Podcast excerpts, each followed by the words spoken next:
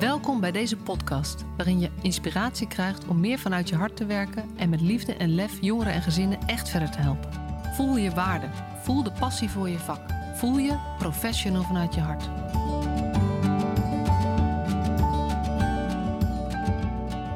Hey, leuk dat je er weer bij bent.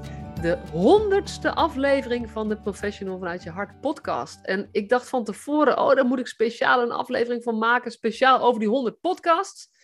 Maar hij valt in de Week van het Vergeten Kind. Um, uh, die gaat over de gesloten jeugdzorg. En ik ben een serie aan het maken over ontwikkelingen in de gesloten jeugdzorg. Met allemaal mensen die daar uh, heel bevlogen over zijn.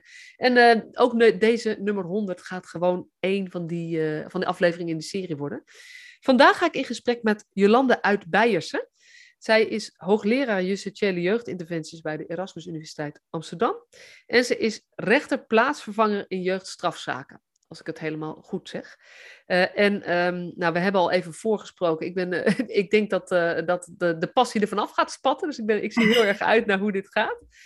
Um, en wat ik wel heel bijzonder vind, is dat Jolande echt al heel lang meedraait. Um, en al heel lang betrokken is, ook bij de gesloten jeugdzorg. Dus nou ja, Jolande, van harte welkom in deze podcast.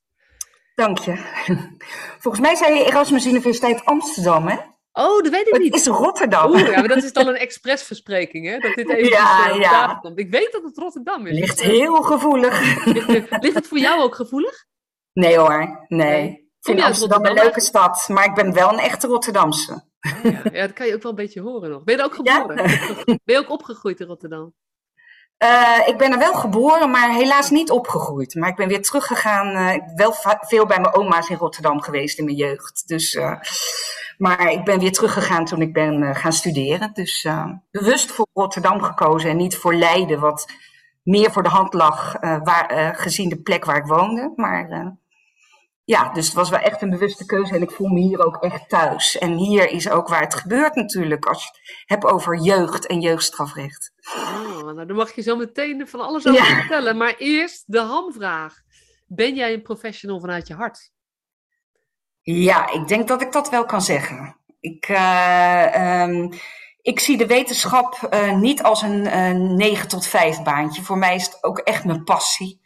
En uh, ja, ik zat nog even terug te denken. Ehm, ik heb eigenlijk al in mijn proefschrift, heb ik de laatste stelling van de proefschrift, mag je altijd gebruiken om, uh, om iets wat je, hè, wat je niet echt wetenschappelijk hoeft te bewijzen, om, om, daar een stelling over te maken. En mijn stelling was dat niet alleen de liefde, maar ook de wetenschap alleen maar goed kan gedijen als die met hartstocht wordt bedreven. En dat is wat ik ook echt vind. En mijn leermeester uh, Cyril Feyenoord, uh, dat was ook echt zo'n man die met passie of was, dat is hij nog steeds. Hij is inmiddels met emeritaat, maar hij schrijft nog steeds volop boeken, doet nog steeds volop onderzoek. En voor mij is dat echt een voorbeeld van uh, van een wetenschapper die, die echt uh, daar eigenlijk dag en nacht mee bezig is. En dat geldt voor mij ook. Ja. Een, een wetenschap die met pas, met hartstocht wordt bedreven. Ja. Ja, ja. dat vind ik wel echt heel mooi, ja. Want jij zit echt in de wetenschappelijke wereld, hè? ook al heel lang. Ja, ja, en uh, alleen uh, niet wetenschap vanuit een ivoren toren, maar wetenschap die heel erg verbonden is met de praktijk. Ik, ik, ik laat me heel erg inspireren door de praktijk en ik probeer zelf ook zoveel mogelijk van de praktijk te zien. Daarom heb ik ook altijd uh, allerlei uh, nevenfuncties gehad in de praktijk. Dus uh, ik ben al heel lang ook rechterplaatsvervanger. En doe dan uh, eens, uh, hè, nou ja, een, een, aantal keren per jaar een zitting. Waardoor ik dan ook weer helemaal geïnspireerd raak, om, om, omdat ik zie wat er allemaal gebeurt in de praktijk. Ik ben ook heel lang uh, lid van de commissie van toezicht van de Hartenborg geweest. Een justitiële jeugdinrichting hier in, in Spijkenisse, vlakbij Rotterdam. En uh, daar veel met jongeren gesproken, uh, die daar eigenlijk voor de zwaarste zaken uh, vastzitten. Eigenlijk de jongeren die eigenlijk het hele traject al hebben ondergaan. En daar heb ik ook gezien, ja, als je je met jeugdstrafrecht bezighoudt, kan het eigenlijk niet anders dan dat je je ook met het jeugdbeschermingsrecht bezighoudt. Omdat jongeren waar, die wij zien op zitting, en, hè, want ik doe altijd als rechterplaatsvanger, zit ik altijd in de zwaarste zaken als een van de drie rechters. Misschien even uh, voor mensen die helemaal geen idee hebben van rechtszaken en hoe dat gaat. Kan je, kan je in het heel kort daar iets over vertellen? Ja, nou je hebt natuurlijk, uh, je hebt, uh, ik heb het dan nu echt over jeugdstrafzaken. Hè? Ik doe niet de civiele zaken, waar het gaat om, waar wordt besloten bijvoorbeeld over plaatsing in gesloten jeugdhulp. Maar ik heb het echt over de jeugdstrafzaken. Want ik ben uh, van oorsprong, of eigenlijk nog steeds, hoofddocent strafrecht op de Erasmus Universiteit. Daarnaast ben ik ook hoogleraar justitiële jeugdinterventies. Maar strafrecht is eigenlijk het, toch wel iets waar ik al 30 jaar uh, mee bezig ben. En dan vooral het jeugdstrafrecht. En als je het hebt over jeugdstrafzaken, dan heb je, um, dan worden eigenlijk ja, alle, alle experimenteergedrag, kleine feiten worden allemaal afgedaan in de voorfase met bureau HALT bijvoorbeeld of een OM, een afdoening door het Openbaar Ministerie buiten de rechter om. En de wat uh, zwaardere zaken komen bij de rechter. En dan heb je twee soorten, dus de enkelvoudige kinderrechter en de meervoudige kamer. En de zwaarste za zaken komen dan bij de meervoudige kamer voor jeugdstrafzaken. En uh, daar, uh, nou ja, dat doe ik al een jaar of twintig, denk ik. en daar ben ik dan een van de drie rechters. Hè, ehm, omdat die worden met drie rechters gedaan. En dan heb je ongeveer twee uur voor een zaak. Het zijn eigenlijk vrijwel altijd jongeren die in voorarrest zitten. Uh, die worden verdacht van uh, de zwaardere feiten waarbij geweld te pas is gekomen. en um, nou ja, dan wordt eerst wordt het feit besproken. En wordt gekeken naar, nou, wat wordt hem te lastig gelegd. Ik spreek over hem omdat het heel vaak jongens zijn. En dan, uh, het gaat om uh, eh, 12 tot 18 jaar, maar tegenwoordig kun je ook 18 tot 23-jarigen kunnen een jeugdsanctie krijgen. Dus die hebben we ook in Rotterdam. Ik zit dan in de, in de rechtbank Rotterdam.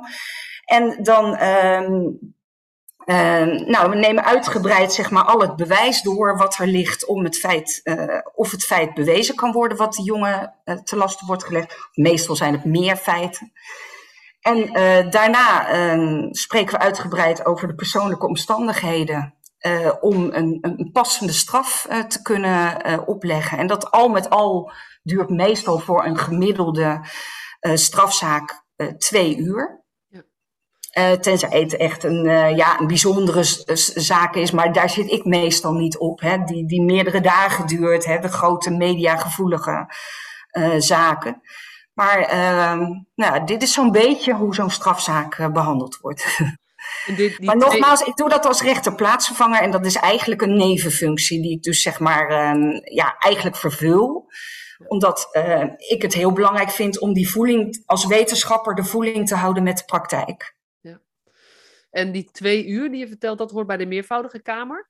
Is dat bij de, bij de, de, um, de en, hoe noemt het, niet enkelvoudige? De enkelvoudige kinderrechter, um, ja, die, die neemt, uh, daar zal het gemiddeld, ja, ik weet niet precies, omdat ik daar zelf nooit zit, maar dan zal het ongeveer een half uur zijn uh, per, uh, per zaak.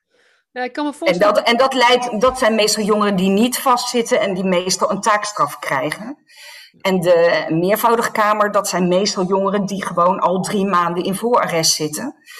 Want dat is het maximale termijn.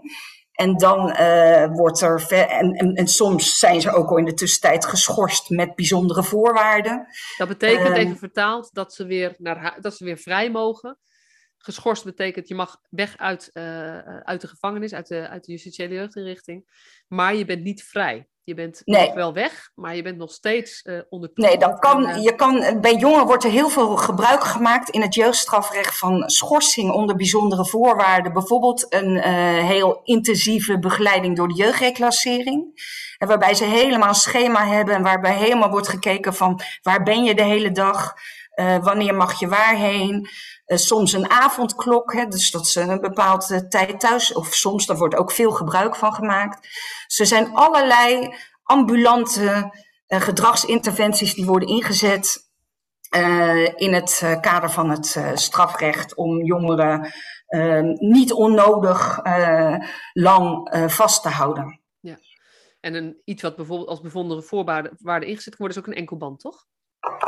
Uh, ja, er is heel lang over gediscussieerd of dat ook bij jongeren gebruikt zou moeten worden. Uh, er is al een keer ooit een experiment gedaan en toen is er besloten: nee, voor jongeren gaat dat toch te ver. En we hebben het, het alternatief van nachtdetentie, dat je overdag naar school kan en s'nachts vast blijft zitten.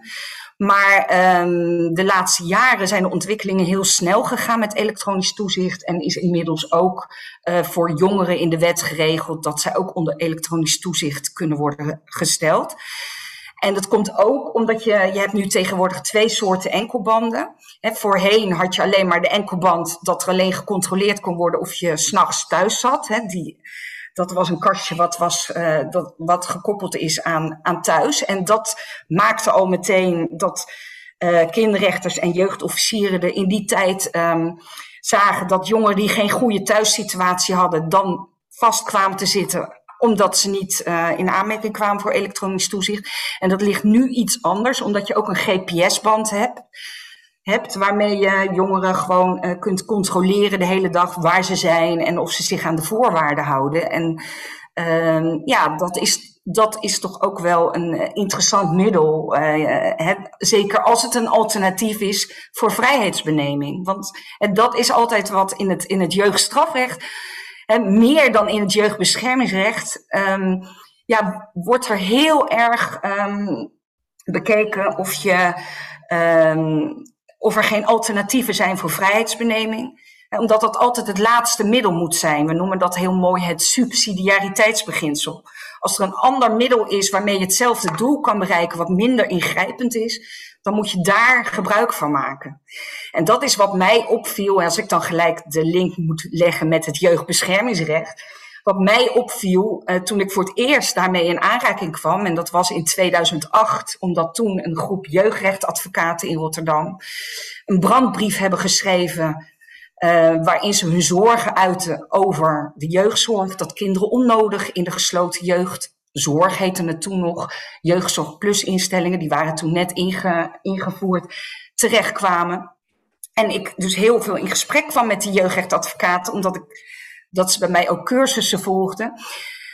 Um, toen, toen voor het eerst ontdekten we van, hè, maar die hebben eigenlijk veel, of nou ja, voor het eerst, voor mij was het, die advocaten wisten dat al lang, maar voor mij was dat uh, voor het eerst, omdat ik me eigenlijk niet zo bezig hield met het jeugdbeschermingsrecht op dat moment, zag ik dat daar veel minder waarborgen waren en dat er veel meer wordt gekeken van, uh, ja, er moet toch iets, dus we zetten ze maar vast. Nou, dat zou in het strafrecht onmogelijk zijn.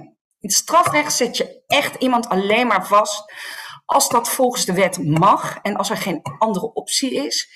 En ik heb ook het idee dat er in het strafrecht veel meer uh, ambulante uh, interventies beschikbaar zijn.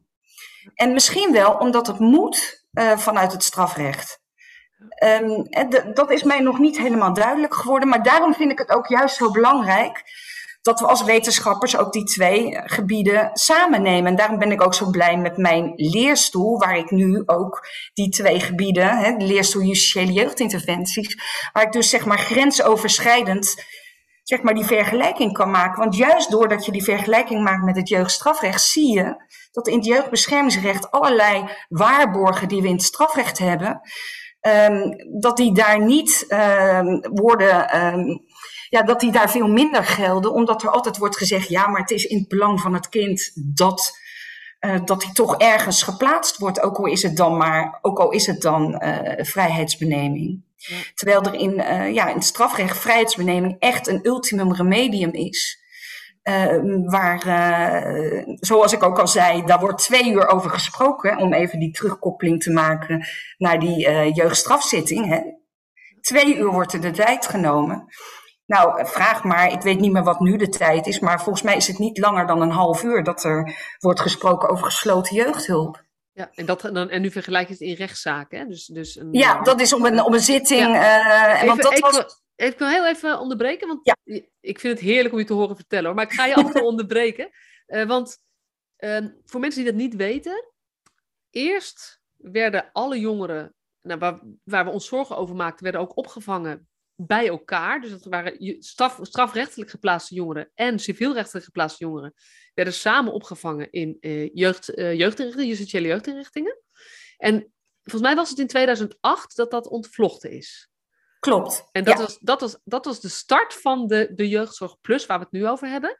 Waarbij dus eigenlijk gezegd werd: jongeren die een strafbaar feit gepleegd hebben en, en, en ehm, in detentie moeten, dus, dus vrijheidsbeneming als straf, zou je niet samen moeten plaatsen met kinderen die het zo moeilijk hebben en die een gevaar vormen vanuit dat moeilijk hebben uh, voor zichzelf of voor anderen. Eh, maar die, zou, die twee groepen zou je niet bij elkaar moeten plaatsen, want dan doe je die civielrechtelijk geplaatste kinderen geen recht.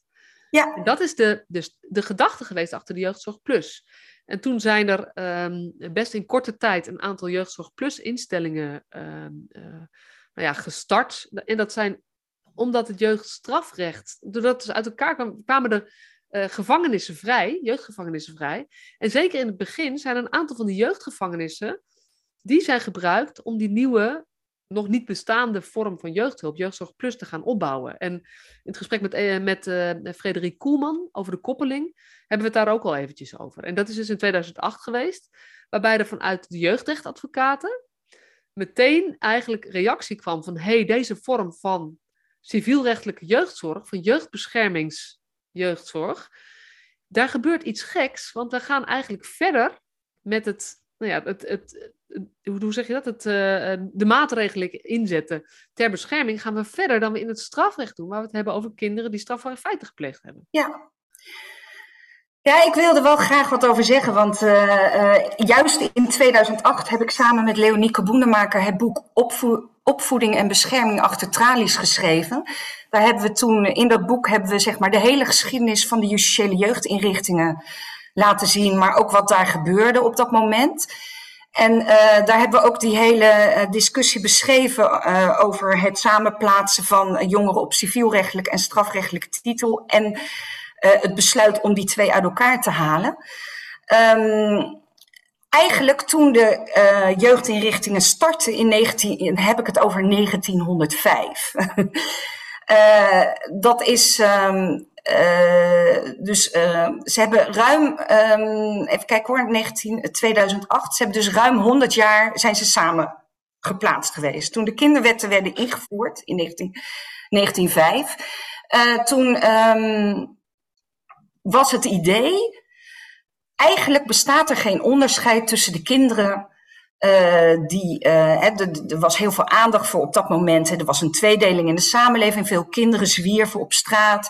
En kinderen kwamen ofwel door het plegen van een strafbaar feit, ofwel doordat ze thuis mishandeld werden of uh, uit bedelen gestuurd werden, noem maar op kwamen ze in aanraking met justitie. En toen was de toenmalige wetgever, Kort van der Linden, minister Kort van der Linden, die de kinderwetten heeft gemaakt, die heeft twee, die heeft toen het jeugdstrafrecht en het jeugdbeschermingsrecht ingevoerd. En dus dat is het civielrechtelijke jeugdbeschermingsrecht, waarbij het mogelijk werd om in te grijpen in het ouderlijk gezag, want dat was voor die tijd nog niet mogelijk. En een apart jeugdstrafrecht, waardoor kinderen die gestraft werden voor strafbare feiten, niet meer in de gewone gevangenis terechtkwamen, maar in aparte jeugdinrichtingen. En dat waren de tuchtscholen en de Rijksopvoedingsgestichten.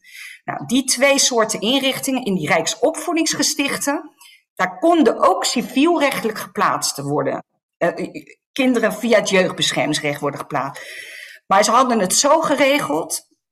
En men zei, het is grotendeels dezelfde groep, maar om toch nog een beetje onderscheid te houden, zetten we de civielrechtelijke in particuliere inrichtingen. Dus die passen bij de gezindheid van de ouders. Want je had in die tijd natuurlijk nog katholiek, protestants, alle soorten gezinten. En de um, strafrechtelijk geplaatst zetten we in de rijksopvoedingsgestichten. Dat was het idee. En kinderen die dan heel erg dwars zijn in die particuliere, in die particuliere gestichten, daar mochten ook, waren ook geen beveiligingsmaatregelen, konden ook niet beperkende maatregelen worden toegepast. Maar als kinderen daar heel lastig werden, konden ze worden overgeplaatst naar Rijksopvoedingsgestichten, waar de strafrechtelijke zaten. En in de Rijksopvoedingsgestichten, daar waren wel alle beschermings, zeg maar, be, beperkende maatregelen mogelijk, al moet je zagen die er toen totaal nog niet als gevangenissen uit. Het waren meer een soort internaten. Ze liggen ook allemaal eh, buitenaf. Hè. Degene die er nog zijn, de Heiakker en de Hunnerberg in Nijmegen, daar zie je dat ook aan. Eikenstein in Zeist. We hebben die inrichtingen nog en die lagen een beetje in het groen. En toen nog zonder die hekken erom. Want het werd echt gezien als opvoedingsinrichtingen, waar kinderen weer terug werden geleid, de samenleving in. Er waren ook echt bevlogen, pedagogisch geschoolde medewerkers. daar zijn nog boeken van. Ik heb me helemaal in die geschiedenis verdiept. Alleen dat is in de jaren 70, 80. En dus oorspronkelijk was, werd het ook helemaal niet als een probleem gezien dat die twee bij elkaar zaten. Het was, meer, het was ook zo dat strafrechtelijk geplaatsten, als het beter ging, naar die particuliere inrichtingen konden. Dus ze konden over en weer worden overgeplaatst. dus je had al wel twee soorten inrichtingen, alleen het onderscheid was dan particulier en rijks. En rijks was iets beveiligder. Maar in de jaren zeventig uh, is dat allemaal veranderd. Toen zijn, die, uh, um, zijn er heel veel uh, kindertehuizen gesloten. Dat beschrijven we ook allemaal in ons boek. Um, en toen, zijn er, um, ja, toen zijn ze heel veel gaan reorganiseren. En toen zijn er uiteindelijk is er voor gekozen om daar echt justitiële jeugdinrichtingen van te maken, zoals het nu heet. Dat is ongeveer in 1990 gebeurd. En in de tussentijd Um, want in 1965 was het nog echt. Hè, toen, toen is er een beginselenwet gekomen. Toen was het, werd het nog echt gezien als allemaal kinderbescherming, ook het strafrecht. Hè, ook de jongeren die onder het strafrecht kwamen. Zoals het in België nog steeds zo is trouwens. Um, maar in, uh, daarna, in de jaren zeventig, is dat dus veranderd. En is ook het uiterlijk van die inrichtingen veranderd. En zijn er ook meer opvanginrichtingen gekomen. En toen werden het meer gevangenissen. Nou, en um, de kinderen waar je het nu over hebt, hè, waar de hele discussie over is ontstaan, en dat is wel heel relevant voor het nu. Dat waren allemaal civielrechtelijk geplaatsten die nergens meer terecht konden, omdat al die kinderthuizen gesloten waren, omdat er helemaal geen voorzieningen waren. En die eigenlijk gewoon geen geslotenheid nodig hadden, maar die in die justitiële jeugdinrichtingen werden geplaatst, omdat er nergens anders plaats was. Toen is er op een gegeven moment een convenant gekomen. En in dat convenant hebben ze uh, gezegd, nou die mogen daar dan nu even tijdelijk als crisis worden geplaatst voor zes weken, als er nergens anders plaats is. Maar in de praktijk bleek al na een tijdje van dat ze er niet zes weken zaten, maar dat ze er wel gemiddeld vier en een halve maand zaten. En ze zaten daar ook niet in de vriendelijkste afdelingen van de justitiële jeugdinrichtingen, maar in de opvangafdelingen die het meest streng waren. En waar ze uh, echt gewoon zaten te wachten op doorplaatsing. Nou, en toen is er dus in 2005 een hele discussie geweest van, ja, er moet gewoon echt nu, uh, er, er, is toen onderzoek gedaan naar die jongeren die toen gesloten zaten geplaatst op civielrechtelijke titel. Dat onderzoek heeft Leonieke Boenermaker gedaan. Degene waar ik later samen dat boek mee heb, heb geschreven. In 2004. En, en uit dat onderzoek bleek dat 80% van die civielrechtelijk geplaatsten geen geslotenheid nodig had. Dat die allemaal andere hulp nodig hadden, maar die was er niet. Dus het plan was toen, er is toen een werkgroep ingesteld, optimalisering zorgaanbod. Uh, uh, jongeren met problemen of zo, even uit mijn hoofd gezegd. Um, die hebben dat allemaal wel beschreven hoor. Um, maar er was een heel plan omdat er echt allemaal ambulante hulp uh, moest worden gecreëerd. Maar op een of andere gekke manier ging de discussie ineens over die samenplaatsing.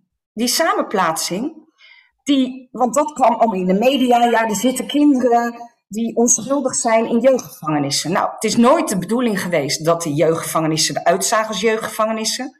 Inmiddels is dat ook wel een beetje teruggedraaid. Want het moet, de, de, de, de um, jeugd, justitiële jeugdinrichtingen moeten ook gericht zijn op opvoeding, ook voor strafrechtelijke jongeren. Dus dat was al een slechte zaak, dat die langzamerhand tot jeugdgevangenissen waren ontwikkeld. Maar ook de jongeren die daar zaten, die, die hoorden gewoon niet in geslotenheid. Daar hoorde, dat, dat was, um, dat, had, dat moet alleen als uiterste maatregel moet je een jongere die civielrechtelijk, hè, het, civielrechtelijk is het idee um, onder toezichtstelling zoveel mogelijk helpen in het gezin. En alleen als uiterste maatregel een uithuisplaatsing en dan nog als alleruiterste maatregel een, uh, een gesloten uithuisplaatsing. Dat, dat werd gewoon veel te makkelijk gebruikt omdat er geen andere plekken waren. Ja, dus, ik vind het wel mooi, want dit is, um, dat is ook wel leuk hè, als je natuurlijk een hoogleraar of een, een hoofddocent, uh, die, die altijd dat, ook dat historisch kader er gewoon bij pakt. En, en dank je wel, want weet je, dit kost even tijd, maar je hebt een, een hele mooie, korte samenvatting gegeven. Want er zit nog te veel meer um, uh, tijdsgewricht ook doorheen. Um, en wat mij raakt is eigenlijk waar je ook al mee begon. Dat, en ik, ik ben ook benieuwd hoe dat dan kan. Dat um, de, het ultimum remedium, zoals dat zo mooi heet bij het jeugdstrafrecht. Uh, en in, uh, en in, in dat wetskader ook dat dat niet op die manier binnen, de binnen het jeugdbeschermingsrecht, dat hoor ik je zeggen, dat dat niet op die manier vorm heeft gekregen binnen het jeugdbeschermingsrecht. Dat een uithuisplaatsing en de gesloten uh, plaatsing meer wordt gezet ook van, hé, hey, maar we weten, we hebben geen beter alternatief, dus daarom doen we dit. Begrijp ik je goed? Ja, want er, is, uh, het is, er ligt een mooi proefschrift van Maria de Kruif de Jong, die dus echt de dossiers van tien jaar gesloten jeugdhulp, uh, of de dossiers, alle rechterlijke uitspraken in tien jaar gesloten jeugdhulp van 2008 tot 2018 heeft bestudeerd. En daarin heeft laten zien dat uh, zo'n beetje in de helft van de zaken de kinderrechters uh, eigenlijk geslotenheid niet nodig. Uh, eigenlijk was geslotenheid niet nodig, maar hebben ze daar toch toe besloten, omdat er geen ander alternatief was. Omdat ze voor hun gevoel met de rug tegen de muur stonden en uh, niet anders konden. En, 50, en dan. 50 procent.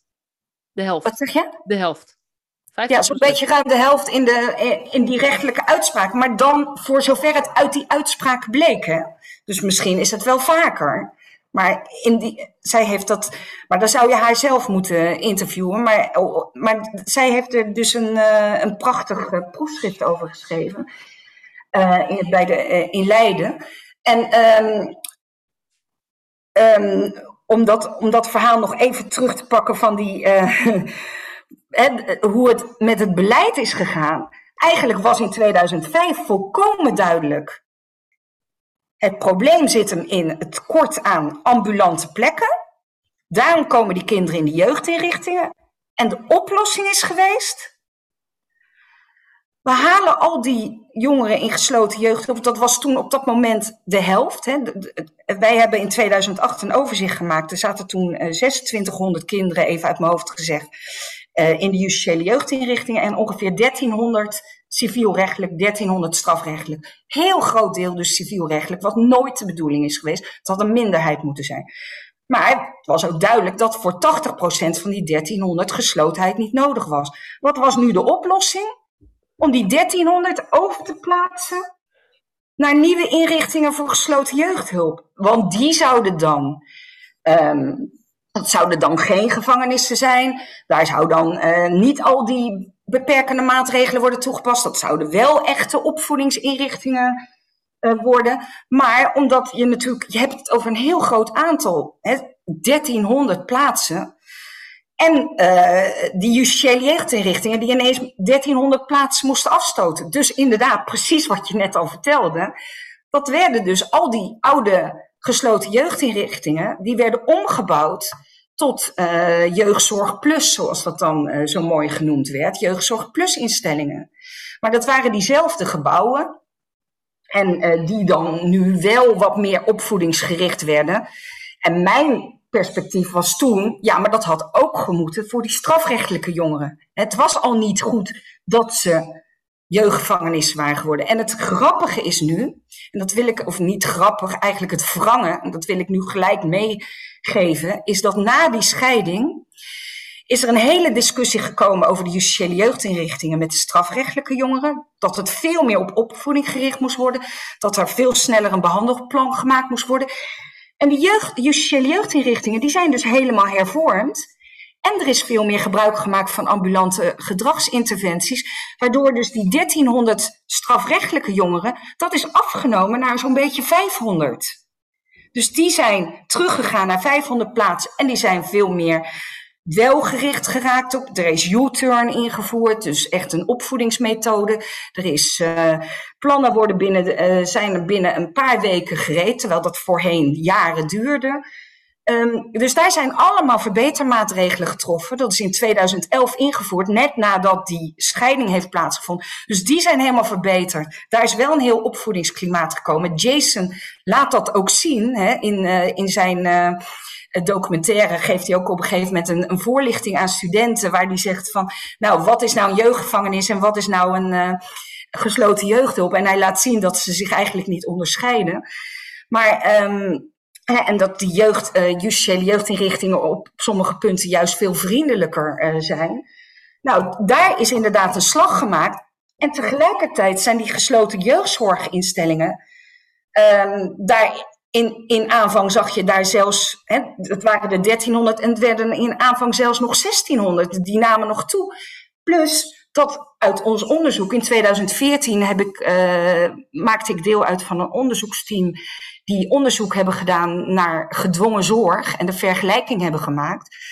En toen bleek al, in 2014 al, um, en dat is misschien zelfs voordat Jason uh, daarin uh, terecht kwam. Toen bleek al, en hebben wij ook al uitgebreid in een rapport laten zien, dat de rechtspositie veel slechter was. Dat er veel meer gebruik werd gemaakt van um, uh, um, urinecontroles, visitaties, fouillering, uh, noem maar op. Dus dat er heel veel gebruik werd gemaakt van beperkende maatregelen. Terwijl uh, ze veel minder mogelijkheden hebben. Dat lees je nu ook in het rapport van het Vergeten Kind. Dat heel veel jongeren niet eens weten dat ze ergens kunnen klagen, bijvoorbeeld over alle maatregelen die worden toegepast.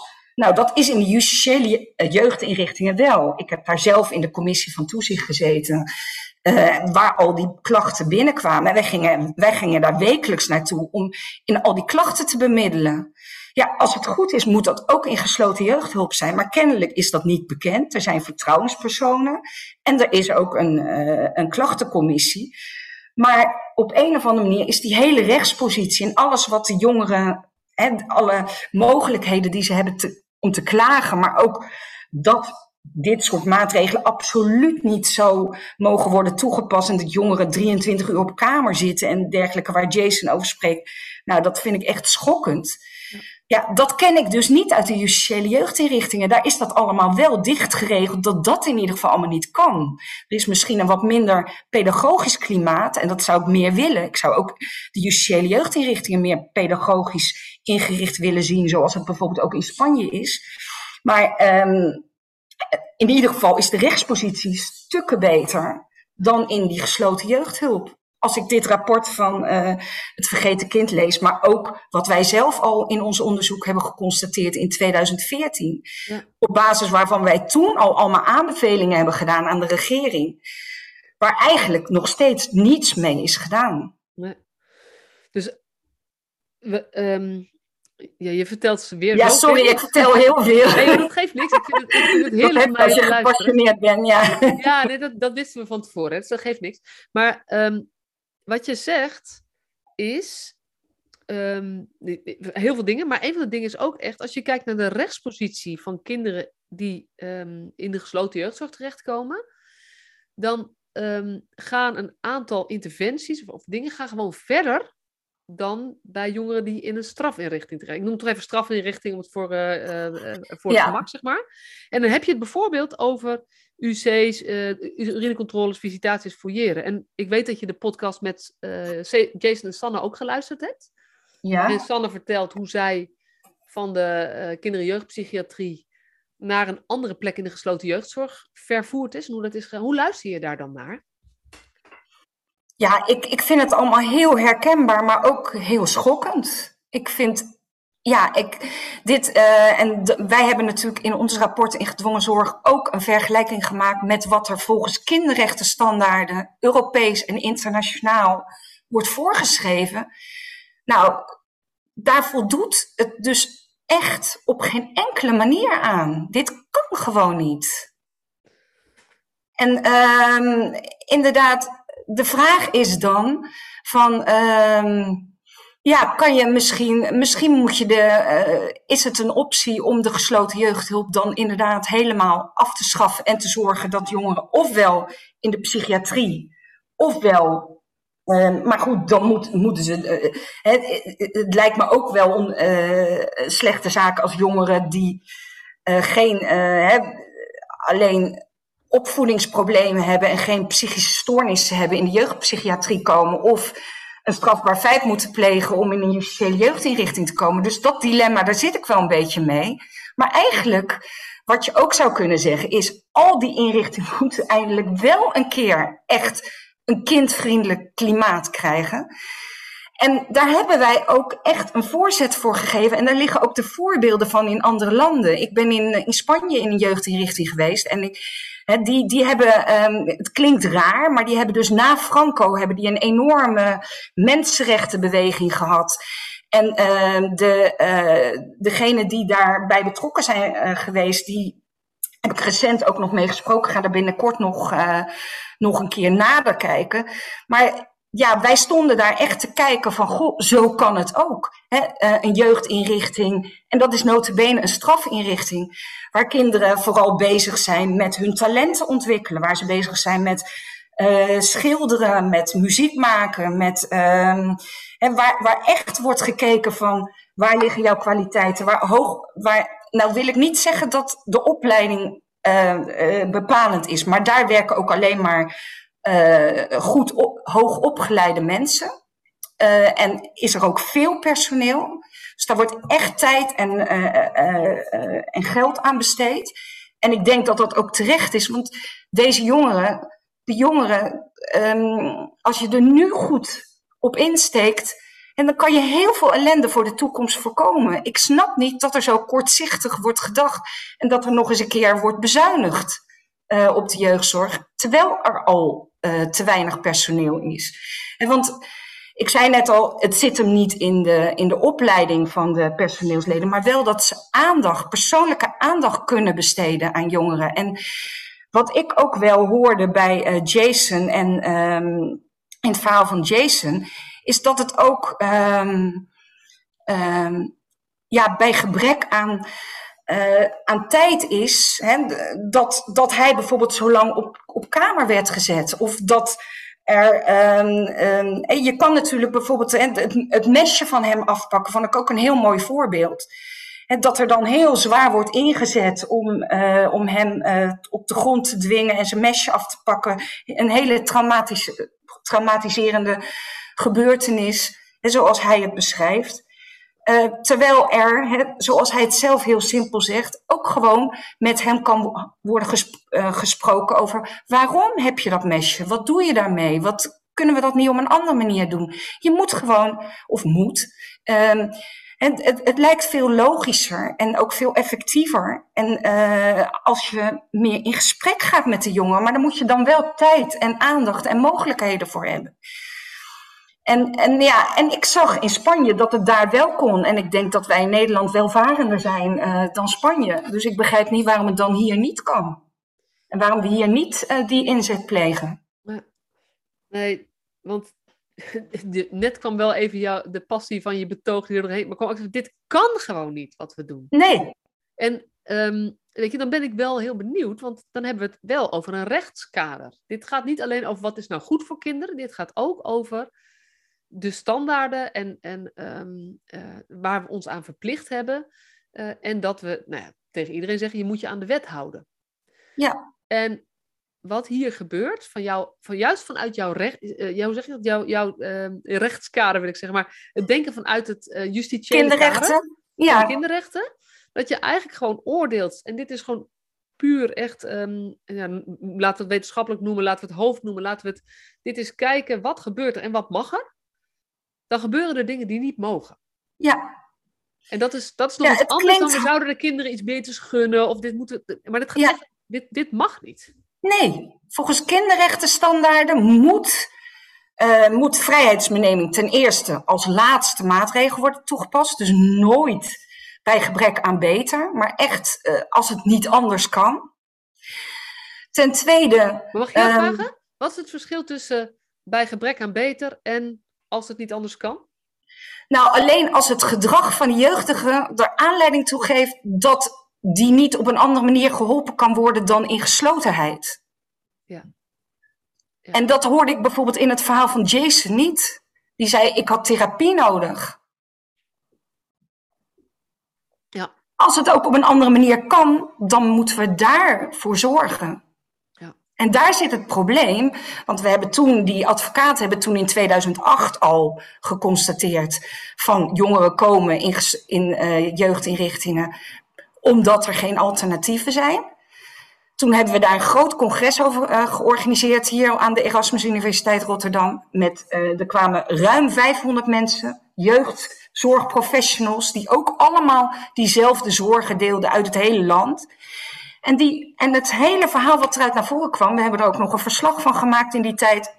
Eigenlijk is het verslag nog compleet relevant. En het is alleen nog maar erger geworden sinds 2015, sinds de invoering van de jeugdwet en nog meer bezuinigingen. Wat eruit kwam is wachtlijsten, bureaucratie. Dat zijn de twee grote punten uh, die door de jeugdzorgprofessionals naar voren werden gebracht als uh, belangrijke reden. Ja. Uh, dat, ze, um, ja, dat, het niet, dat het op deze manier ging. Ja, ja en ik zou er eentje, ik weet niet of ik er aan toevoeg of, of eruit willen pikken, want wachtlijsten bureaucratie. Um, maar die zou ik willen combineren met vrijheidsbeneming. En dat betekent in de jeugdzorg um, uh, is dat natuurlijk gesloten plaats, maar überhaupt uh, anders dan thuis opgroeien, zou ultimum remedium moeten zijn. Als je ja. kijkt naar kinderrechten, um, die komt hier wat minder naar voren. Weet je, we kunnen natuurlijk ook ja. zeggen, ja, omdat er te weinig residentiële plekken zijn, hebben we die wachtlijsten. Dus ja. we moeten, maar, maar dat is niet wat je bedoelt, want daarmee blijven we aan die kinderrechten ja. uh, zeg maar rammelen. Ja, want het moet dus inderdaad alleen als ultimum remedium, als het, zeg maar, het gedrag van het kind zich ertoe leent. Hè? Dus als, als het gedrag ook op een andere manier kan worden aangepakt, dan is die manier nodig. En, en moet je niet uh, gesloten plaatsen, gesloten plaatsen. En, en als je al gesloten plaatst, dat is dan mijn tweede punt, dan moet dat in een kindvriendelijk klimaat. Die je, gesloten jeugdinrichtingen, zowel waar de strafrechtelijke zitten als waar de civielrechtelijke zitten, of ze nou bij elkaar zitten of niet, moet voldoen aan dat het um, gericht is op opvoeding, terugkeer in de samenleving en dat het leefklimaat binnen moet lijken op het klimaat buiten. Dat ze in de Europese regels, European rules voor, um, nou ja, er zijn, ik zal je niet mee vermoeien, maar er zijn dus allemaal Europese en internationale regels voor waar kinderen, uh, waar um, zeg maar vrijheidsbeneming van kinderen aan moet voldoen. Binnen die vrijheidsbeneming moet echt ten eerste afzondering als straf mag al helemaal niet. Dat staat er gewoon heel duidelijk. Afzondering uh, alleen maar echt als iemand op geen enkele andere manier. Uh, uh, de, als iemand echt helemaal psychotisch is. Of, uh, de, dus het is meer om, om ander soort redenen dan straf. Ja. Maar daarnaast moet het klimaat vooral gericht zijn op uh, het leven buiten. Zoals je buiten zou leven, dus daarom moet, je, moet, het in groepen zijn. Dus niet een kind, he, zoals ik van Jason hoorde, dan werd de groep in drieën gedeeld. En dan zaten er twee samen, of hij zat alleen met de twee begeleiders. Nee, dat is ook in de justitiële jeugdinrichtingen zo. Dat vind ik al beperkt, maar dan heb je in ieder geval 77 uur per week recht om op groep te verblijven. En een groep is echt een leefgroep met een stuk of acht of twaalf jongeren.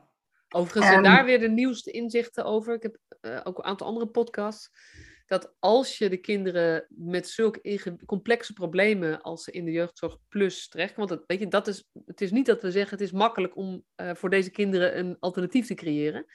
Maar daar zijn ze juist aan het experimenteren. We moeten af van die 7, 8 tot 12 kinderen bij elkaar. We moeten toe naar iets wat nog veel meer lijkt op de op een samenleving. Ja. Dus 4, 5 En zelfs dat is al ja, explosief. want dat is eigenlijk al heel groot. En ik ben natuurlijk heel veel in die groepen geweest. En daar, daar speelt zo... Maar, ik ben in, heel veel in de Hartenborg geweest. Uh, en dan zie je die groepsdynamiek. En uh, nou ja, je leest dat ook wel weer terug in, uh, in de verschillende rapporten ook die, van het vergeten kind. En dat er altijd een gevecht is van wie is de baas. En anderen die zich, zich moeten bewijzen. Daar spelen natuurlijk allerlei dingen. Dus dat is ook niet goed. Maar het is ook niet goed om een kind uh, zo uh, alleen te plaatsen, alleen op de kamer te laten verblijven, zo lange tijd. En dan, als die eruit mag, alleen maar met groepsleiders. Ja. Ik vind het, ja, uh, dat, het voldoet inderdaad totaal niet aan de kinderrechtenstandaarden. En er is een hele mooie, er zijn hele mooie Europese regels waarin precies staat hoe je het allemaal zou moeten doen. Wij hebben in 2014 gezegd. Richt nu onze jeugdinrichtingen, of ze nou civielrechtelijk, strafrechtelijk, jeugdpsychiatrie zijn, in volgens die kinderrechtenregels. Er is toen een, uh, uh, in een reactie van het kabinet hebben ze gezegd dat dat zou gaan gebeuren. Nou, daar zijn ze nu al jaren mee bezig en het voorstel wat er ligt, dat voldoet echt nog in geen fractie aan die, uh, aan die regels. Um, en daar staat bijvoorbeeld in die regels staat ook van jongeren moeten minimaal twee uur per dag in de buitenlucht zijn, waarvan een uur sporten per dag. Um, ze moeten naar scholen buiten de inrichting. Uh, zelf koken. Uh, dus echt veel meer een klimaat zoals het buiten is. Ja, ja, ja. En wat denk jij dan? Want ik zit, ik zit um, twee dingen. Het rapport van Misha de Winter komt in mij op. Wat natuurlijk, dat, dat doe ik vaak met podcast. Uh, jeugdhulp onvoldoende beschermd gaat ook over deze kinderen. Is uitgekomen in 2019, onderzoek tot en met 2019. En daaruit blijkt dat ook um, in de, laat, de laatste decennia uh, en ook de laatste tien jaar het gewoon nog steeds um, er geweld plaatsvindt. Nou, daar valt dit onder andere ook allemaal onder. Um, maar wat denk jij nou dat, hoe komt het nou dat de kennis is er al zo lang? Want we hadden het van tevoren ook al over, weet je, dit rapport uit 2014, in 2008 is het al vanuit in stuk zeg maar, is het al naar voren gebracht. Vanuit de pedagogische kant wordt het ook al heel lang naar voren gebracht. En waar stokt het nou dat het, nou ja, eigenlijk wat we proberen is een beetje te polijsten wat er is. En vooral kijken wat daar dan aan opties zijn of zo. Terwijl jij eigenlijk zegt, ja, maar dit, wat we doen kan gewoon niet. Wat maakt dan dat het toch blijft?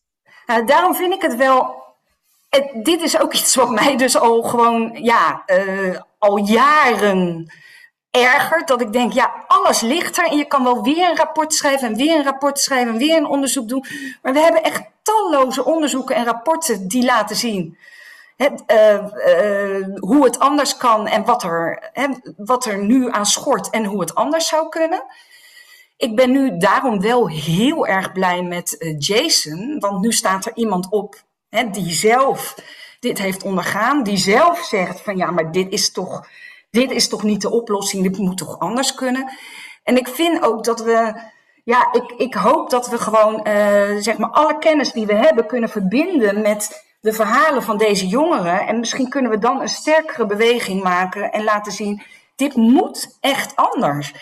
In Duitsland hebben ze een aantal jaar geleden, uh, weet ik van een uh, Duitse hoogleraar waar ik veel contact mee heb, een, een, spe een, specialist in het jeugdrecht, Frieder Dunkel. Daar hebben ze, in, hebben ze ook een beweging gehad om de hele gesloten plaatsing civielrechtelijk af te schaffen. En daar hebben ze het teruggebracht naar 300 plaatsen. Terwijl Duitsland natuurlijk een, land is wat vele malen groter is dan Nederland. En er zijn ook Duitse staten die het helemaal niet meer toepassen. Daar is op een gegeven moment gewoon een hele discussie en beweging geweest om te zeggen van dit doen we niet meer. Dus ik hoop eigenlijk dat dit het moment is eindelijk, alhoewel het ook in 2005 waren we het er allemaal over eens. En was er die werkgroep optimalisering zorgaanbod. En, maar op een of andere manier draaide het toen ineens van, oh nee, ze moeten uit elkaar. Dus we maken een nieuw circuit van gesloten jeugdhulp. Terwijl dat helemaal niet de oplossing was. En heel veel geld kost en heel veel schade heeft aangericht aan jongeren die daar uh, hebben ten onrechte uh, hebben verbleven. Want dat is natuurlijk ook het lastige. Dat snap ik ook voor de jeugdzorgprofessionals. Dat als een jongere daar zit, terwijl die eigenlijk had kunnen volstaan met een therapie of met andere mogelijkheden buiten de inrichting, dan zal het ook heel lastig worden om, om met zo'n jongeren te werken in een, in een instelling. Ja. Dus um, ja, dus ik, ik denk niet alleen vanuit kinderrechtenperspectief dat het nooit zou moeten. Um, dat, dat je niet uh, moet uh, opsluiten als het niet nodig is. Maar ook vanuit een pedagogisch perspectief. Het heeft volgens mij geen enkele zin als je overreageert omdat je dan niet kan bereiken. Als die, dat, dat zie je ook in het strafrecht. Als, als iemand ten onrechte veroordeeld is en vastzit, uh, ja, dan, dan werkt hij ook nergens aan mee. Nee, precies. Maar dan heb je, ja, dan kun, volgens mij kunnen we nog een podcast vullen daarover. ja, Maar dat is, dat is wel ook wat, wat steeds naar voren komt. En ik, wat ik belangrijk vind is, Jason is, weet je, dat is natuurlijk iemand die het heel goed kan verwoorden en heel indringend naar voren kan brengen. En uh, ik ben ook blij dat hij dat doet. En tegelijkertijd weet ik ook dat hij uh, het, weet je, het gaat niet alleen over zijn verhaal. Ik ben ook heel blij dat ik ook Sanne in de podcast heb. En er zijn natuurlijk nog een aantal gezichten van het vergeten kind. Maar er zijn um, er zijn er veel meer die ook hun verhaal nu gaan delen. En, nou ja, uh, dat, dat, is natuurlijk ook met die, dat is natuurlijk ook in die commissie De Winter. Hè, daar hebben natuurlijk heel veel, ja.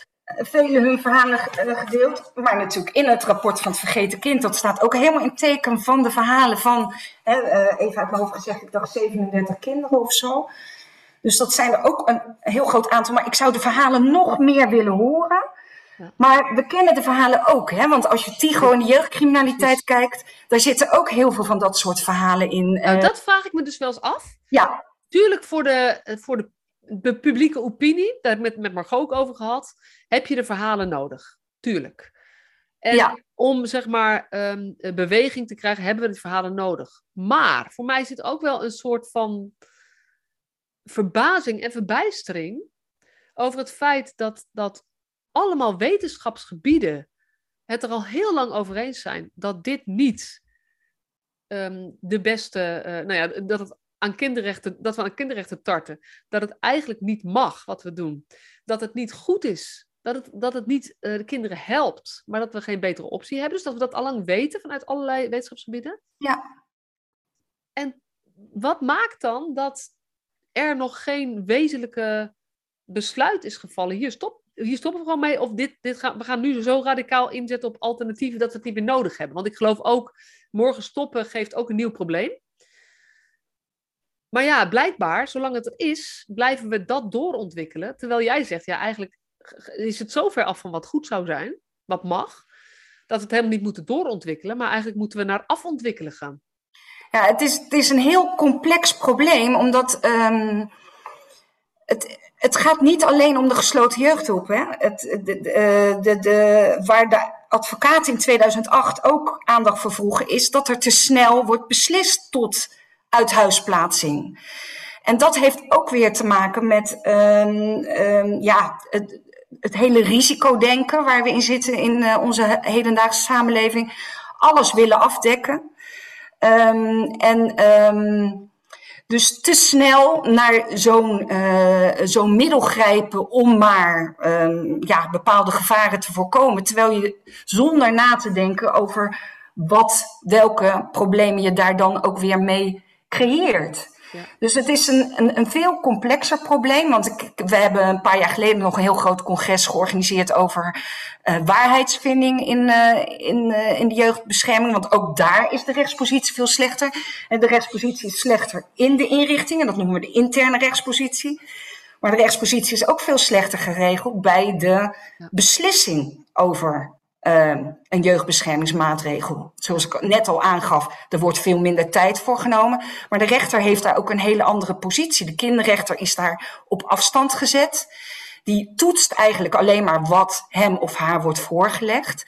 En um, daar heeft um, uh, wat vroeger bureau jeugdzorg heette en nu de gecertificeerde instellingen, die hebben daar een, een hele belangrijke positie. Die leggen het voor. Maar de vraag is hoe onafhankelijk zij zijn. Zeker sinds 2015 uh, die gecertificeerde instellingen ook nog een financieel belang hebben. Ja, en, dit, is ook, uh, dit is ook um, van een, een, groep ouders natuurlijk, die hier ook zo um, uh, steeds op hameren. Ja. En, heel veel mensen vinden dat irritant dat ze erop hameren. En ik denk, ja, weet je, blijkbaar is hier wel echt ook iets aan de hand. Want ze moeten wel hameren, uh, want blijkbaar wordt het nog steeds niet voldoende gehoord. En dat gaat over die waarheidsvinding. Ja. Ja, en ik snap heel goed dat ze, want als jouw kind uh, naar jouw gevoel ten onrechte en ook de manier waarop het gebeurt, uh, opeens uit huis wordt geplaatst en in een in een, bijvoorbeeld een, op een geheim adres in een pleeggezin wordt ge, uh, geplaatst, ja, dan, uh, dan ga je wel in de vechtstand en vechten van wat is dit en hoe kan ik uh, mijn kind terugkrijgen. Dus ik snap die ouders heel goed. Ja. Nou, en, en dat jij dus zegt, eigenlijk dit thema, even los van de communicatie waarop, want daar, is het, daar gaat het, dat, dat is natuurlijk wel heel pijnlijk en ook soms wordt het heel persoonlijk, dat is heel lastig. Maar los van hoe, hoe zij dat doen, zeg je van eigenlijk maar de angel van wat ze zeggen is wat wij al eerder, wij zeg ik dan even juristen, mensen vanuit de, de uh, gezegd hebben, ja, maar ja. hier is ook iets aan de hand. Hier is echt ja. een probleem. Ja. Ja, want ook in dat rapport gedwongen zorg van 2014 ging het niet alleen over die interne rechtspositie, maar ook over die uh, externe rechtspositie. Hè? Dus de rechtspositie bij, het, bij de beslissing. En daar zat, zit gewoon uh, ook een probleem. Dat die veel minder uh, uh, mogelijkheden, veel minder waarborgen biedt voor een zorgvuldige beslissing. Terwijl het om een hele ingrijpende beslissing gaat. Een kind bij de ouders weghalen. En ik, ik, ik heb ook het idee dat bijvoorbeeld die uithuisplaatsing, ja, ook dat weer vanuit de geschiedenis bekeken. En dat is natuurlijk ooit als een heel mooi initiatief ontstaan. Dan ga ik helemaal terug naar Pro Juventute. Dat waren uh, gezinspatronen die zich ontfermden over een kind in een gezin. En dat kind en het gezin hielpen. Um, Zo'n gezinsvoogd kon natuurlijk een hele mooie rol vervullen. Maar nu lees je soms uh, en, um, dat um, ja, die gezinsvoogden zien zich meer als als, als gezinsmanagers of casusregisseurs of wat dan ook, die verlenen eigenlijk niet echt hulp meer, maar gaan gelijk al inzetten op interventies en soms meteen al op gesloten jeugdhulp, zonder dat er eerst echt wezenlijk met die kinderen en ouders goed gesproken wordt van wat zijn de mogelijkheden en uh, wat kunnen we doen. Dat is ook wel iets wat je heel veel tegenkomt.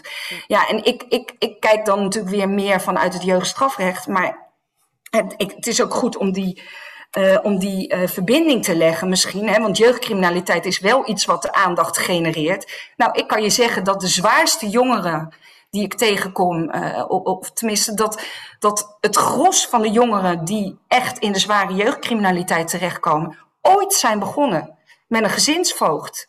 Dus ik denk als die op dat moment de juiste hulp inzetten, kan je daarmee een hele cri criminele carrière voorkomen. En alle ellende die de samenleving daarvan heeft. En alle kosten die daarmee gemaakt worden. En uh, de schade aan die uh, jongeren zelf. Ja. Dus ja, ik, ik denk dat er dus een hele duidelijke verbinding is tussen die twee. En misschien helpt het wel als je dat allemaal bij elkaar maakt, legt. En daarom vind ik het ook wel juist belangrijk om vanuit de jongeren zelf te kijken.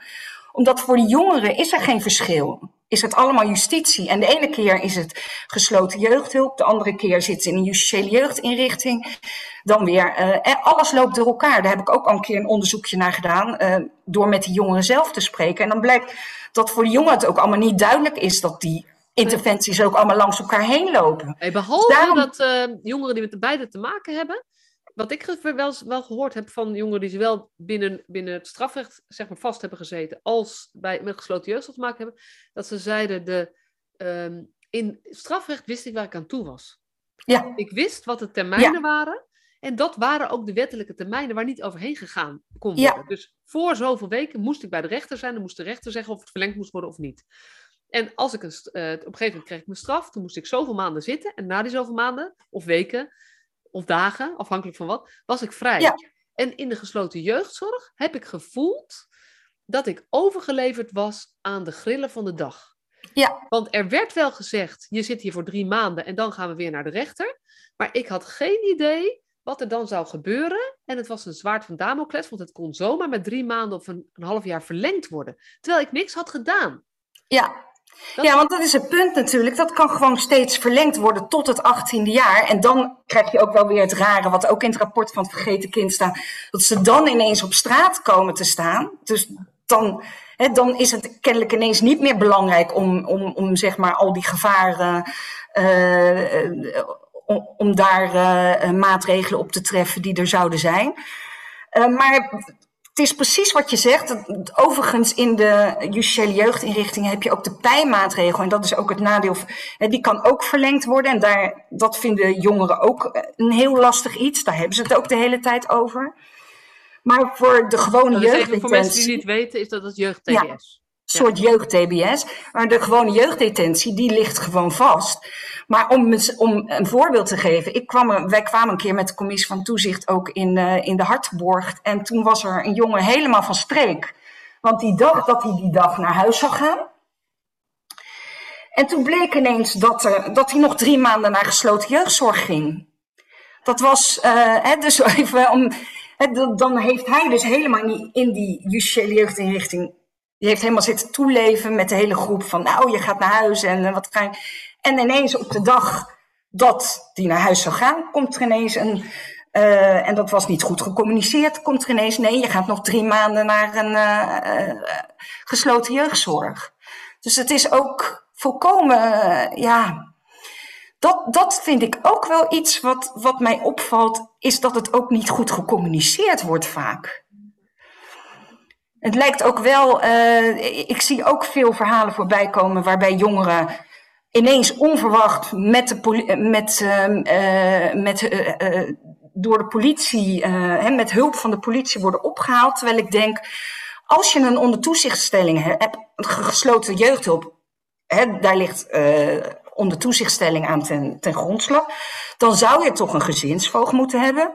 Die zou dit soort maatregelen, als je echt een goede hulpverlener bent, toch moeten voorbespreken. En moeten bespreken van ja, het kan nu niet anders. Hè? Je gaat een tijdje naar een jeugdinrichting.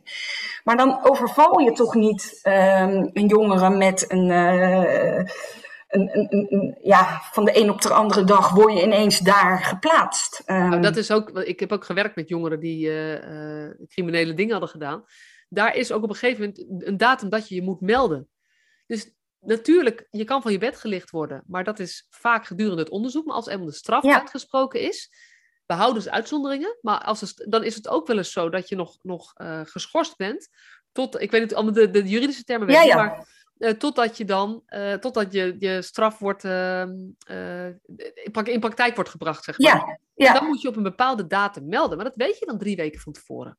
Maar dat zou dus hier toch ook heel goed kunnen. Dat je dat heel goed voor. Dat, dat je, bij, terwijl, dat, je dat heel goed voorbespreekt. En zegt van nou, je kan je vrijwillig melden. En als je dat niet doet, dan komen we je halen. Maar nu wordt die beslissing al voor die jongeren genomen. Dat zou een heel simpele verandering kunnen zijn die we nu al aan kunnen brengen, denk ik. Nou, en waarmee er ook iets gebeurt met de rechtspositie en de gelijkwaardigheid en het gevoel van alles wordt mij afgenomen. Ja. Wat iets met die, die zelfdeterminatietheorie is natuurlijk ook heel belangrijk in. Autonomie hebben is, en houden, een, gevoel van autonomie hebben, is heel belangrijk om je eigen leven vorm te kunnen geven. Ja. En dat is uh, uh, nou, dat, met dit voorbeeld ook weer, dat, daar doen we zulke gekke dingen in, waarbij we onbedoeld, want het, het lullige vind ik, dat als hiervoor gekozen wordt, het gevoel van, van denk ik alle professioneel betrokkenen is, het kan niet anders. Dus we doen het uit bescherming van het kind. Dat is wel de gedachte. We moeten wel, want hij of zij loopt zoveel gevaar en anders dan wordt het nog zoveel lastiger. Maar dat het onbedoelde bijeffect zo groot is van het, nou ja, het afnemen van die autonomie, waardoor je eigenlijk alle grond onder iemands voeten weghaalt. Ja. En daar hebben we misschien de verhalen van de jongeren wel voor nodig, maar ook dit weten we al, toch? Ja, ja, ik, ik, ik las dit verhaal bijvoorbeeld weer in het boek van Younes Finani. Ik weet niet of je die kent, Johannes uit de Jordaan. Een jongen die ook op de top 600 uh, eh, heeft gestaan. Hij heeft vorig jaar een boek geschreven over zijn hele criminele carrière en hoe die begonnen is. Nou, die is bij hem ook begonnen met simpelweg uh, een gezinsvoogd. Die hij kreeg omdat zijn moeder om hulp had gevraagd, omdat hij een scooter, al een jaar op een gestolen scooter reed. Um, en die moeder heeft achteraf spijt dat ze om hulp heeft gevraagd, want dit heeft ertoe geleid dat um, hij had een gezinsvoogd. Volgens hem, hè, het is natuurlijk maar een verhaal van een jongen, maar ik heb nog uitgebreid met hem daarover gesproken. Eigenlijk zou ik heel graag die gezinsvoogd willen spreken, want die wordt daar met naam en toenaam genoemd. Maar die, uh, volgens hem, hij zegt, als, als die gezinsvoogd nou een keer met me had gesproken, of een keer een broodje met me had gegeten, of wat dan ook. Hè, want, um, maar nee, um, hij had één keer een, of één of twee keer een afspraak gemist met de gezinsvoogd. Op een gegeven moment liep hij op straat en toen werd hij door agenten tegen de muur gezet. En hij dacht, wat heb ik nou gedaan? Ik heb toch niks gedaan? Nou, dat zal je nog wel horen. En toen werd hij naar het politiebureau gebracht. En toen werd er uh, het politiebureau gezet. Ja, je gaat naar een uh, inrichting. Nou, waarom dan? Ik heb toch niks gedaan? En toen kwam er opeens die gezinsvoogd tevoorschijn. En die zei, ja, je hebt een afspraak gemist en je gaat nu naar een inrichting. En daar zal je zeker niet kunnen roken. Nou, en dat was dus een, toen nog een justitiële jeugdinrichting. Waar hij dan in het kader van gesloten jeugdhulp of gesloten jeugdzorg.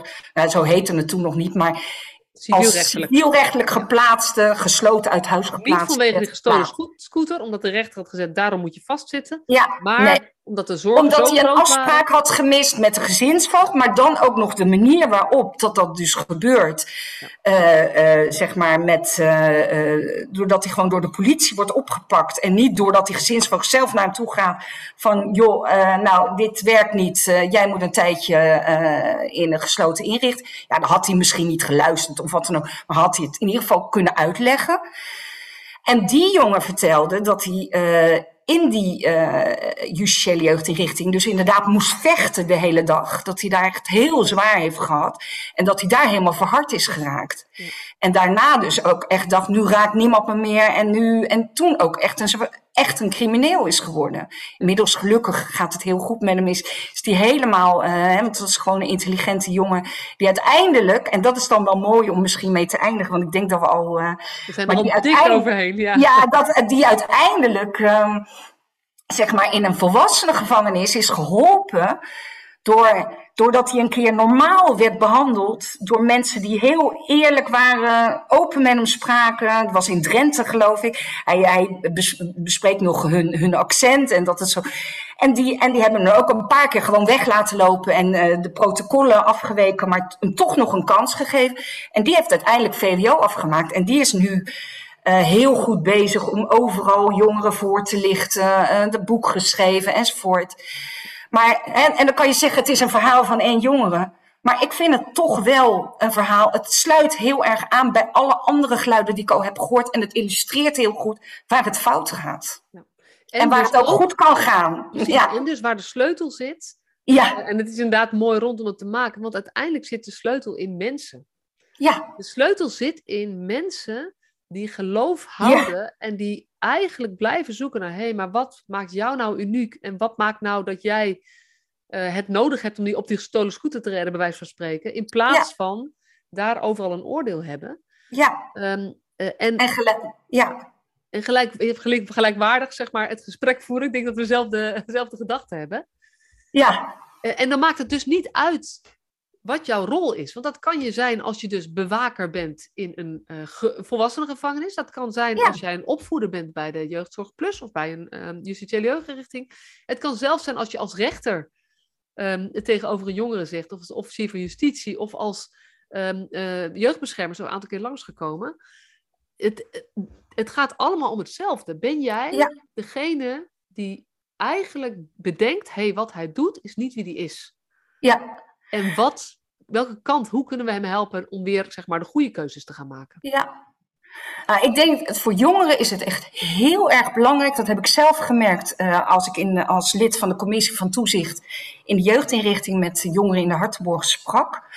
Heel erg belangrijk dat ze zien dat je oprecht bent, dat je echt in zich geïnteresseerd bent. Ze waren soms ook verbaasd dat ik in het weekend of s'avonds kwam. Hè, komt u in het weekend? En, uh, en, en ook gewoon niet alleen maar, um, zeg maar, hè, als ik als lid van de commissie van toezicht zou ik alleen maar over die ene klacht met hem moeten praten. Maar vaak zat er een heel verhaal achter die klacht. En daar moet je over in gesprek gaan.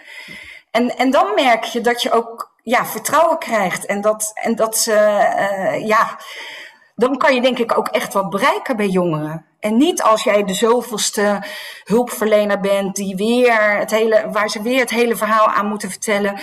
En wat ik ook heel opmerkelijk vond, was dat een paar jongens ook tegen mij zeiden: Ik word hier behandeld alsof ik een kapotte machine ben, die gerepareerd moet worden.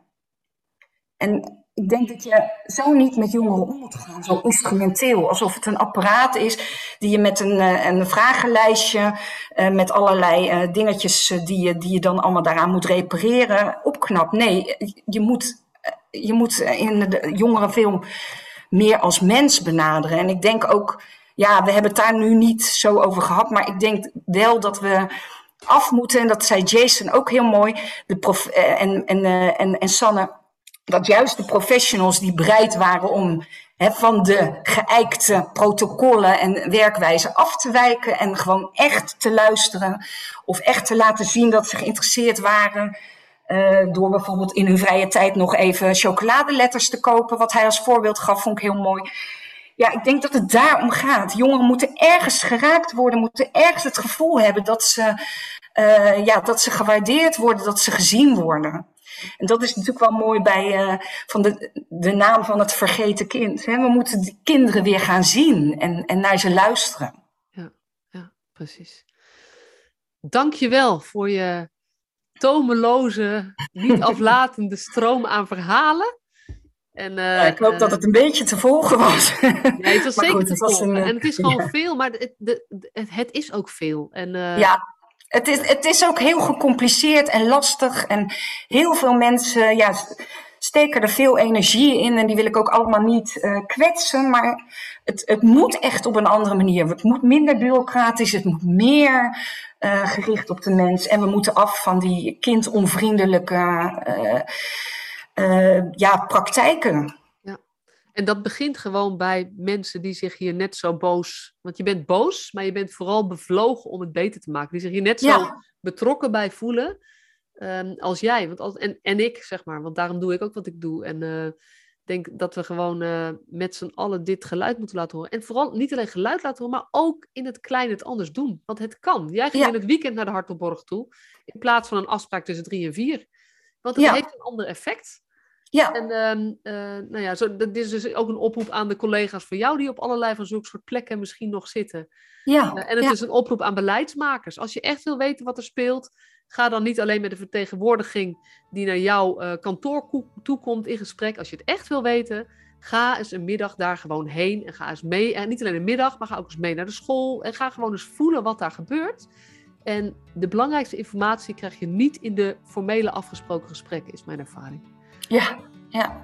Dus, dat is mijn uh, ervaring ook. Ja. En uh, nou ja, als ik hem dan helemaal naar uh, het thema van deze podcast, weet je, dit zijn, laat je hart meespreken in alles wat je doet. En ook een rol spelen en, en maak zo het verschil. Dankjewel Jolande. Nou, graag gedaan.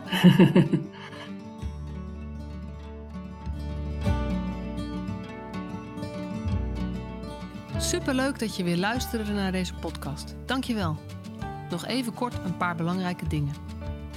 Ten eerste, het is mijn missie dat de jeugdhulp weer een sector wordt waarin bevlogen, liefdevolle professionals jongeren en gezinnen echt verder helpen.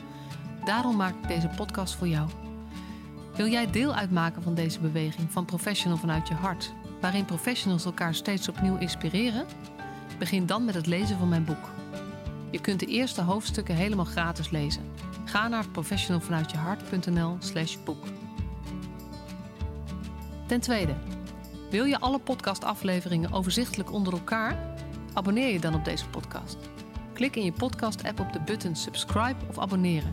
En elke keer als er een nieuwe podcastaflevering gepubliceerd wordt, ontvang je automatisch een berichtje. Ten derde, ondersteun je mijn missie? Geef me dan een review via je podcast-app, bijvoorbeeld iTunes of Spotify. Op die manier kan ik nog meer professionals bereiken. En ken je een collega voor wie deze podcast ook interessant is? Dan zou het super zijn als je hem of haar de podcastaflevering doorstuurt. Bijvoorbeeld door de link te kopiëren via Spotify. Ik vind het altijd heel leuk om berichtjes te ontvangen van luisteraars om te horen wat je van een podcast vindt, of als je misschien vragen of suggesties hebt. Of als een aflevering je een bepaald inzicht heeft gegeven of er iets in beweging is gekomen. Stuur me dan even een berichtje op masha.professionalvanuitjehart.nl via de website of stuur me een connectieverzoek op LinkedIn.